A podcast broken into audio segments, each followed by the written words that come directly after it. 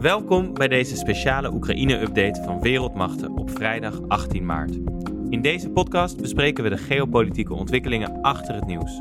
Mijn naam is Tim Wagemakers en samen met journalist Hans Klis bespreek ik de laatste geopolitieke updates rond de oorlog in Oekraïne. Dat zijn vandaag het aanstaande gesprek tussen Biden en Xi Jinping en Midden-Oosten-expert Kim Gattas over de oorlog door de lens van Syrië en Libanon.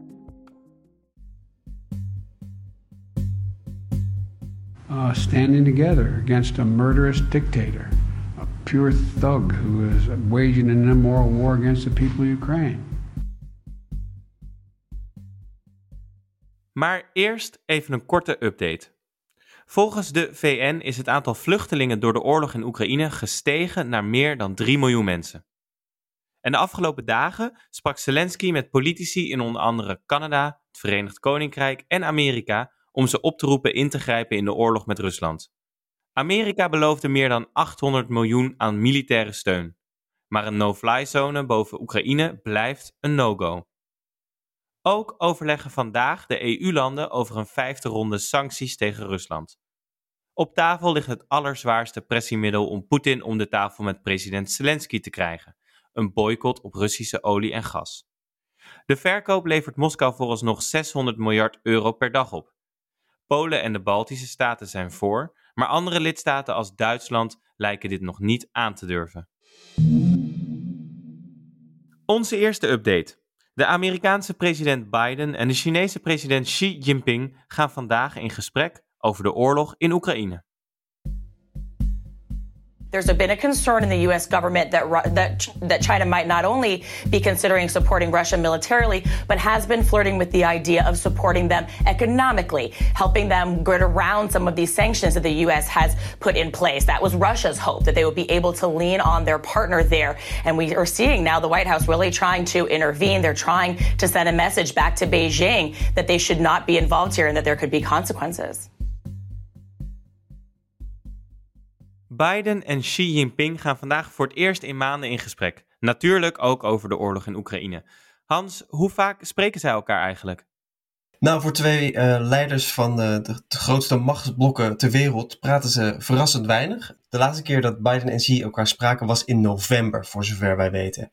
Het betekent niet dat er op de zijlijn met uh, ja, andere leden van de regering niet wordt gepraat. Want het gebeurt wel. Zoals uh, deze week spraken uh, Biden's National Security Advisor en een Chinese diplomaat elkaar zeven uur lang in Rome. Uh, als voorbereiding op dit telefoongesprek tussen de twee leiders. Ja, en wat willen ze er dan eigenlijk uithalen?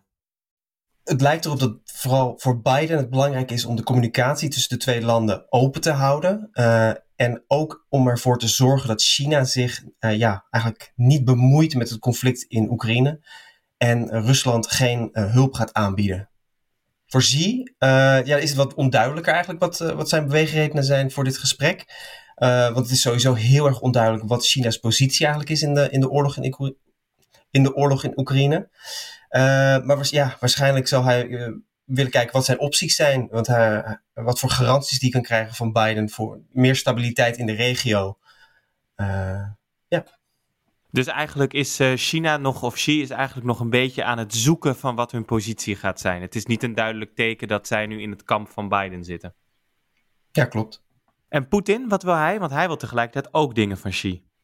Ja, klopt. Want uh, in de zijlijn van de uh, Olympische Spelen uh, spraken Rusland en China uit dat zij een, een, partnerschap zonder limieten hadden. En Rusland vraagt althans blijkt uit uh, Amerikaanse diplomatieke berichten, vraagt China nu om hulp, om militaire en financiële steun. Het frappante daaraan is dat uh, Rusland uh, China gevraagd heeft om rantsoenen te gaan leveren voor, voor de strijdkrachten in Oekraïne. En dat laat volgens mij ook wel een beetje zien hoe slecht het gesteld is met de Russische troepen in Oekraïne. Ja, ja de nood is hoog, blijkt eruit. Onze tweede update is journalist en Midden-Oosten-expert Kim Gattas over de oorlog in Oekraïne.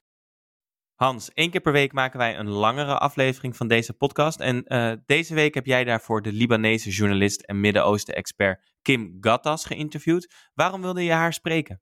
Nou, Kim Gattas is een, uh, is een journalist die ja, de, afgelopen twintig jaar over de hele wereld uh, uh, ja, verslag heeft gedaan van wat er gaande is. Maar vooral het Midden-Oosten, waar ze is zelf geboren en getogen in Libanon.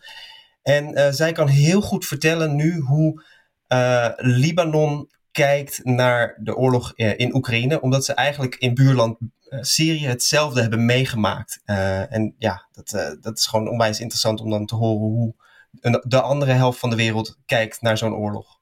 Ja, ja, ja. Laten we naar een kort fragment gaan luisteren, want daarin horen we eigenlijk dat oorlog vaak niet gaat om wat we denken dat het is. Hè? Leiders gebruiken verhalen en geschiedenis als instrument om soldaten te mobiliseren. En nou ja, oorlogen in bijvoorbeeld Irak en Syrië uh, lieten dat al zien. Maar Kim Gattas legt uit dat dat nu ook weer geldt voor wat Poetin doet.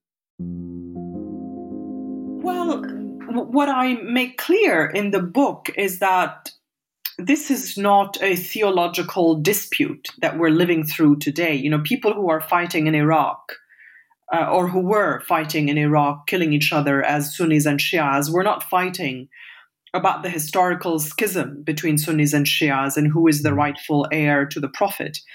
It's a tool used by the leaders of um, Iran or Saudi Arabia or Al Qaeda or the Islamic Revolutionary Guards of Iran to mobilize the foot soldiers. But this is not what this is about. Uh, what it's about is a power is a struggle for power between mm-hmm. Iran and Saudi Arabia, who happen to be one Sunni, one Shia. But it's definitely not about. Um, I mean, I can't say it's not about religion, but religion is used as uh, as a tool to fight those wars for influence and, and for power between Iran and Saudi Arabia. And yes, I absolutely wanted to show that this is not some ancient conflict which continues today, although you could argue um, that all conflicts in the world are a continuation of past grievances. I mean, just look at Putin mm-hmm. today.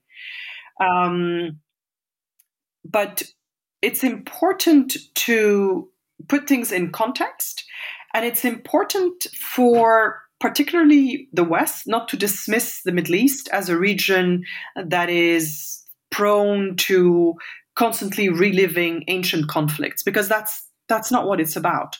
Um, first of all, it allows the West to uh, evade any responsibility mm-hmm. for what um, its own actions have led to in the region, whether it's the American invasion of Iraq or whether it's um, support for dictators like Abdel Fattah al-Sisi or before that Hosni Mubarak.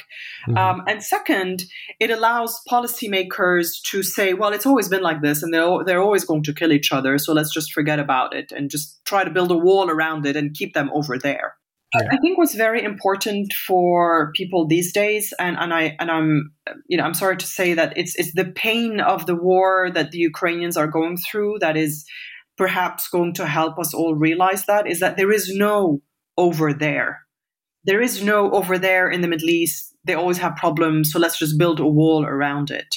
Um, similarly, Europe can't say, well, let's just try to contain this in Ukraine and see whether we can, you know, just keep Putin there. Uh, we're, we're all in it together. And, and it is uh, always, I find, about progressive values versus some kind of extremism whether it's um, secular uh, autocracy like Putin or whether it's uh, religious extremism like like Daesh. Um, it is always about uh, the good people against the bad people. I, I don't want to, you know, mm-hmm. use uh, too too simplistic a, a, a framing, um, mm-hmm. but I think it's important for um, people in the West to to remember that that there are uh, people fighting for their rights and for progressive values everywhere, including in the Middle East. Je kunt de rest van het interview in onze aflevering van gisteren horen en die vind je in de podcast-app als je zoekt op podcast Wereldmachten. Ja, ter afsluiting delen we graag allebei nog een tip met je om meer te lezen of te luisteren over de geopolitieke situatie rond de oorlog. Hans, wat is jouw tip van vandaag? Nou, mijn tip is een andere podcast eh, van The Economist, Money Talks. En ze hebben uh, een hele interessante aflevering, Grain Damage. En die gaat over hoe het stoppen van de export van graan uit uh, Rusland en Oekraïne de rest van de wereld eigenlijk beïnvloedt. En dat is, ja, it's not pretty. En zelf heb ik nog een tip, dat is namelijk Ezra Klein, bekende podcastmaker. Die heeft een fantastisch interview opgenomen met Timothy Snyder, historicus van Yale. Die heeft ongelooflijk goede, deprimerende boeken, dat wel, geschreven over de geschiedenis van Oost-Europa. Maar in dit interview met Ezra Klein krijg je eigenlijk in een uurtje alles te horen over hoe wij in het Westen ons in de luren hebben laten leggen door de verhalen die we onszelf verteld hebben over wie Poetin is en wat hem drijft en wat de gevolgen zijn voor Oost-Europa. Dus die zullen we ook in de show notes zetten. Bedankt voor het luisteren. Maandag zijn we bij je terug met een nieuwe update en op donderdag verschijnt onze gewone aflevering. In de aflevering van deze week interviewen we dus journalist en Midden-Oosten-expert Kim Gattas. En als je je abonneert op deze podcast, krijg je ook meteen al onze nieuwe afleveringen in je feed. En heb jij vragen of tips die we met de luisteraars kunnen delen? Stuur ons dan een bericht via Twitter, Instagram of vriendvandeshow.nl/slash wereldmacht.